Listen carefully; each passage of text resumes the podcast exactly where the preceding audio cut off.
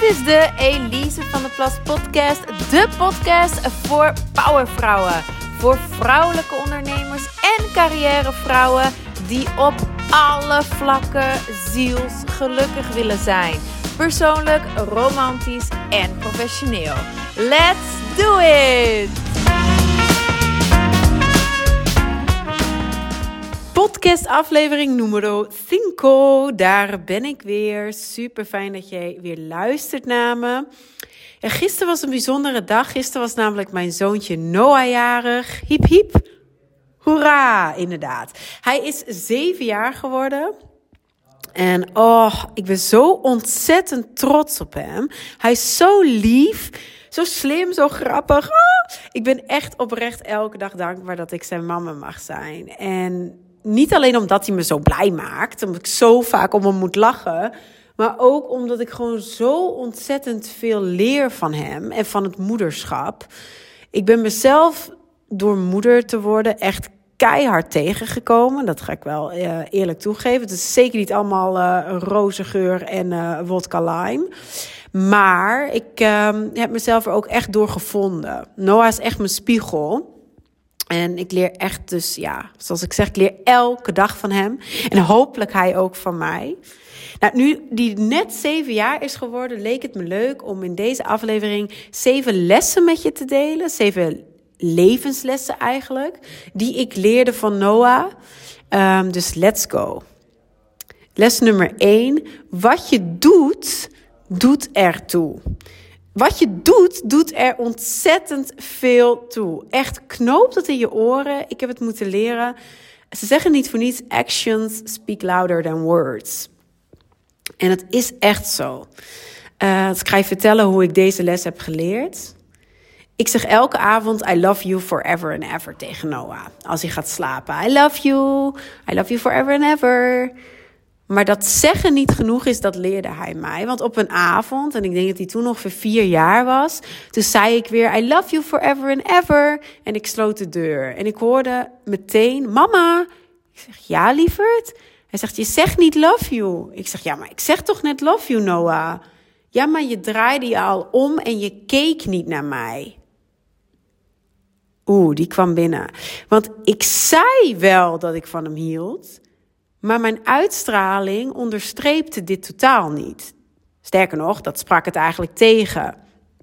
Want ik zei I love you, de drie mooiste, meest betekenisvolle volle woorden die je tegen iemand kan zeggen, toch? En ik zei het terwijl ik niet aan hem dacht, niet naar hem keek en mijn lichaam half van hem was weggedraaid. Ik zei I love you tegen hem, maar ik dacht op dat moment aan de wasmachine. dat was gewoon de, de bittere waarheid. Nu, ik neem mezelf dat niet kwalijk, want je hebt gewoon ontzettend veel on your plate als moeder. Ik, alleenstaande moeder, moeder met drie bedrijven had ik op dat moment ook. Dus ik nam het mezelf helemaal niet kwalijk, maar ik nam het wel als les. Om echt niet onverschillig te zijn, niet alleen in mijn woorden, maar ook niet onverschillig te zijn in mijn houding.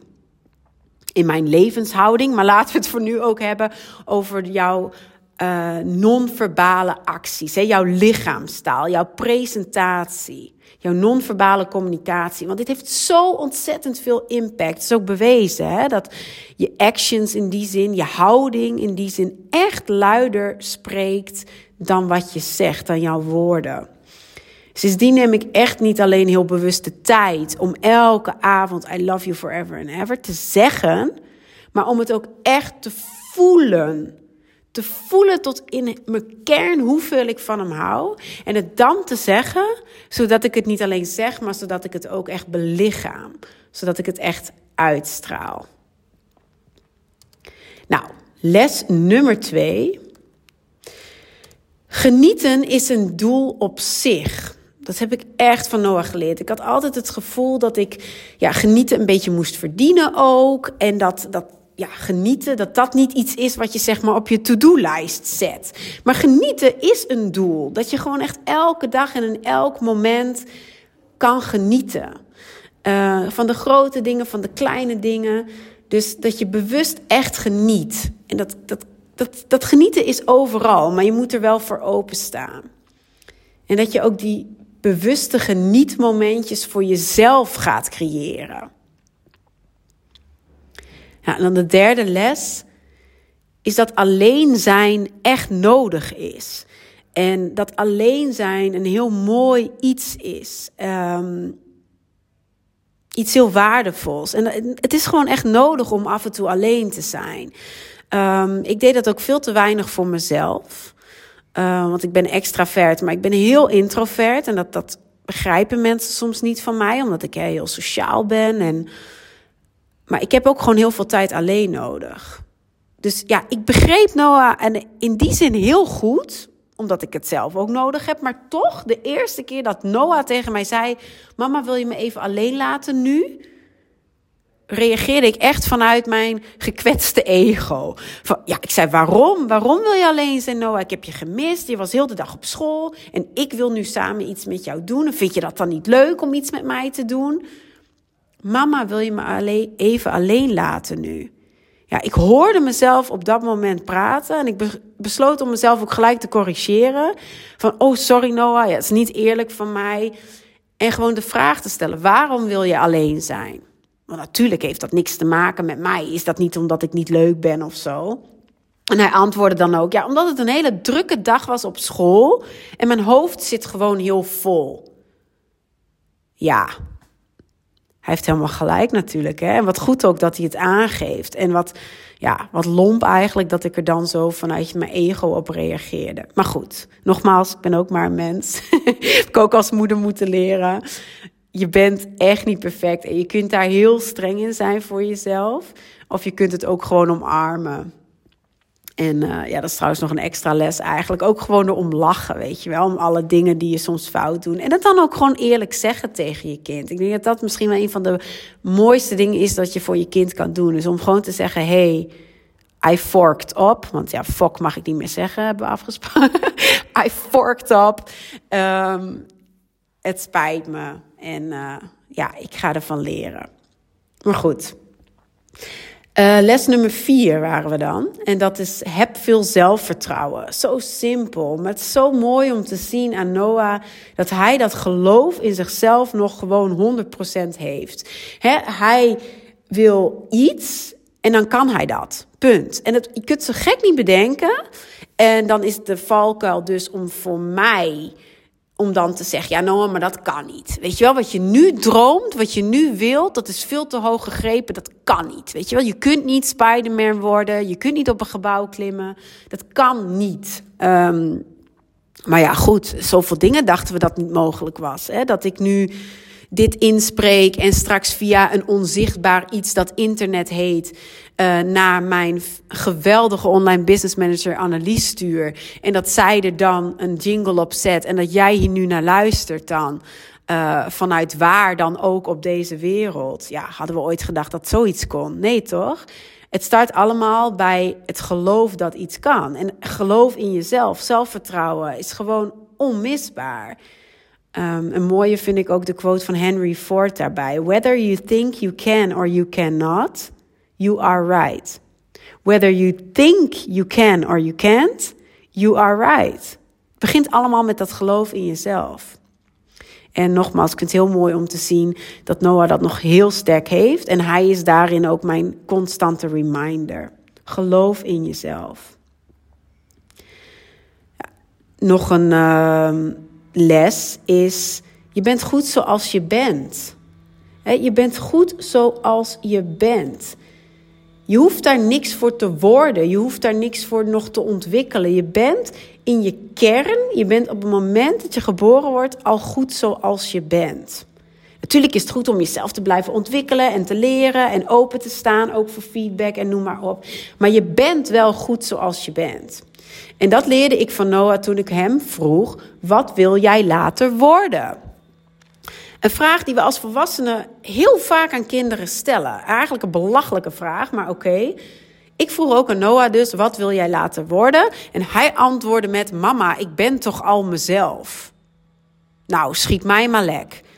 Mijn onderbroek zakte tot de grond, want dat is toch ook gewoon echt zo? Wat wil jij later worden? Mama, ik ben toch al mezelf? Ja, hoe van de pot gerukt eigenlijk ook dat we aan een vijfjarige dan gaan vragen: wat voor werk wil jij later doen? Want dat bedoelen we op dat moment, hè?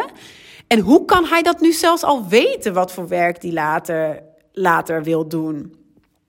Ik vind dat je werk moet gebaseerd zijn op, op zelfkennis en op zelfwijsheid en op ervaring. Waar ben jij goed in? En daar ga je dan anderen mee kunnen helpen. En daar ga je dan betaald voor kunnen worden. Maar dat kan hij nu toch nog niet weten. Hij was, hij was vier of vijf.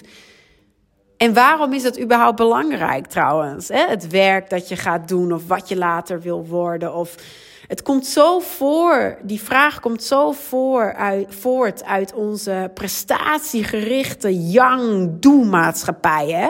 Wat ga je doen met je leven? Wat ga je bereiken? Wat ga je later worden? Nee. Noah is mens. Noah is zichzelf.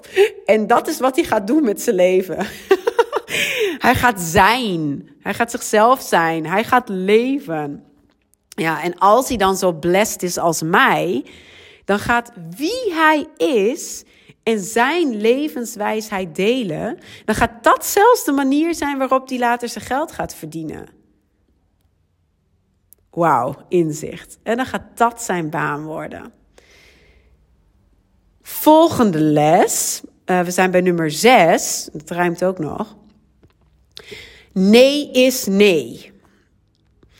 Um, later ben ik nu hè, vrouwen aan het leren hoe ze nee kunnen zeggen, hoe ze hun grenzen kunnen aangeven.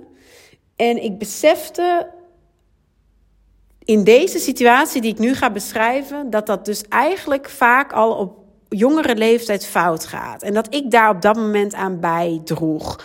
Maar goed, ik heb mezelf daarin uiteraard ook weer gecorrigeerd. Maar ik vroeg op een gegeven moment een keer aan Noah: Noah, wil je dat even voor me pakken? Wil je dat nu even voor me doen? Nu? Wil je dat nu even voor me pakken? Mama heeft het nu nodig. Hij zei: Nee, mama. Ik zeg: Ja, Noah, breng dat nu gewoon even naar mij. Nee, mama, maar ik ben even bezig ook, zei hij. Ik zeg: Ja, maar ik vraag het toch lief. Ik vraag het toch lief. Alsof hij het daarom per se wel moet doen, weet je wel. Ja, en je kunt nu denken, ja, nou, ik vind dat eigenlijk best wel arrogant. Dat jouw zoon van zeven, uh, van zes, dit is trouwens echt net niet zo lang geleden dit. Dat je zoon van zes tegen jou nee zegt als moeder, vind ik heel arrogant. Nou, kun je arrogant vinden. Maar eigenlijk, ik stel toch een vraag. Als ik de nee niet kan accepteren, als antwoord, dan had ik die vraag toch niet moeten stellen. En vaak vinden we, zeker bij kinderen, dat ze dan maar gewoon ja moeten zeggen. Bij wat we ook vragen. Gewoon simpelweg omdat wij het vragen aan hun. Dat is toch eigenlijk grote onzin? Nee is nee. Hij was heel beleefd, hij antwoordde heel rustig, heel vriendelijk. Mama, ik ben ook even bezig. Ik vond het ook wel een mooie les eigenlijk. Als je niet om kan gaan met een antwoord nee, dan moet je ook de vraag niet stellen. Want als je de vraag stelt, dan moet je ervoor openstaan en dan moet je er bewust van zijn dat iemand het recht heeft om op jouw vraag te antwoorden met ja of met nee. Toch? Nou, laatste les, laatste levensles. Um, dat is eigenlijk ook weer twee lessen in één. Um, Positiviteit kan altijd. En braaf zijn is niet hetzelfde als stilzitten en je mond houden. dat is iets wat wij dan linken aan braaf zijn of zo. Maar positiviteit kan altijd en braaf zijn is niet uh, hetzelfde als stilzitten en je mond houden. is eigenlijk wel een leuke anekdote ook weer. Um, Noah ging van de kleuterschool naar de lagere school. En mijn buurvrouw die vroeg me in die week: Oh, en is Noah zenuwachtig? Ik zeg: Zenuwachtig? Ik zeg: Nee hoor, hij heeft daar gewoon hartstikke veel zin in. Maar daarna dacht ik wel: Oh, vrek. Ja, ik heb er eigenlijk helemaal niet bij stilgestaan dat dit best wel een big deal is. Hè? Dat, dat hij van school gaat wisselen, dat hij een nieuwe juf krijgt, nieuwe kindjes in zijn klas. Ik had er niet echt bij stilgestaan totdat die buurvrouw me dat vroeg. Dus ik ging die eerste schooldag op de nieuwe school wel een beetje anders naar die school toe, met dat in gedachten. Um, maar ik ging ook heel bewust de intentie zetten van nee, positiviteit. En ik was wel heel nieuwsgierig en benieuwd hoe Noah het zou ervaren. En ik heb nog wel iets gezegd van, hè, Noah, als je een beetje verlegen bent, dan is dat niet erg. Dat hoort erbij. Vind je het spannend? Uh, dan hè, wil je dat dan met me delen. Maar hij zei gewoon gelijk: Nee, mama, ik vind het spannend, ik vind het leuk. Nou, oké dan. Ja, vervolgens staan we dus op dat schoolplein. En er was keiharde muziek. En uh, allemaal veel mensen, veel ouders, veel kindjes. En we staan daar met z'n allen te wachten. Totdat de juffen de kinderen kwamen halen. En dan zouden de juffen de kindjes meenemen naar de klas. En ik ben een beetje aan het dagdromen en in gedachten. Ik kijk om me heen. En ik zie kindjes zich echt vastklampen aan het been van hun moeder. Um, en denk, oh ja, de buurvrouw heeft wel gelijk. Voor, blijkbaar is het voor heel veel kindjes best ook wel heel spannend. En ik kijk naast me. en ik zie Noah daar echt nou aan het raven. Hè? Echt dansen, headbangen, zijn booty aan het shaken. Noah is gewoon vrolijk aan het dansen. Nou, en heel even dacht ik, ja, kan dit wel? Want om, ik zie hem op dat moment ook naar een bankje lopen en op dat bankje staan swingen. En ik dacht, van, ja, moet hij niet gewoon... Hè? Ik wou hem terugroepen en zeggen: Kom Noah, kom maar bij mij staan. He, want elk ander kind stond in een rijtje naast zijn moeder en vader te wachten totdat die juffen zouden komen. Um, moet je niet braaf hè, in de rij gaan staan? Moet je niet stilzitten? En toen dacht ik, nee, waar slaat het op? Positiviteit is nooit fout in mijn ogen. En dit was een positief, een, een mooi iets. Hij was lekker aan het dansen. Hij was blij. Hij was aan het lachen. Dat kan in mijn ogen dan nooit fout zijn. Um, dus ja, dat was ook eigenlijk de extra les erbij. Van wat is dan braaf? Um, Noah is toch minstens even braaf in mijn ogen op dat moment als het kindje dat stil naast zijn mama staat. Oké, Noah was aan het lachen en hij was waarschijnlijk ook aan het roepen en aan het meezingen en weet ik veel wat. Hij was luid, ja, maar daardoor toch niet minder braaf. wie bepaalt dat? En hoe lastig is het eigenlijk ook als je, ik leef me dan in op Noah, als ik hem op dat moment, moment eigenlijk uh, tot de orde zou roepen en zou zeggen: Nee, Noah, mag niet, kom naar hier. Je mag nu niet op het bankje dansen, kom hier bij mij staan. Als kind breek je dan een regel, een onzichtbare regel. Je, weet niet eens dat het een regel is. En is er überhaupt een regel trouwens? dat je niet mag dansen op het schoolplein? Ik weet. Of dat je niet mag dansen in de supermarkt? Want dat is ook zoiets. Daar kijken mensen ons ook altijd gek aan. Maar wij dansen ook altijd in de supermarkt, Noah en ik. Want hallo, Waarom draaien ze anders muziek in de supermarkt, denk ik dan? Nee, ik denk dat er echt maar één regel is eigenlijk. Maar één rule to live by. En als je volgens die regel leeft, dan kun je in mijn ogen eigenlijk niks fout doen. En dan ben je altijd braaf. en dat is gewoon heel simpel. Wees lief voor jezelf en wees lief voor anderen. Dat is echt wat ik Noah mee wil geven. Wees lief voor jezelf, wees lief voor anderen. Toch? Daarmee ga ik afsluiten. Ik wens je een geweldige dag toe. Tot snel. Heel veel liefs. En uh, alle, alle liefde. Verspreid de liefde. Wees lief voor jezelf en voor anderen.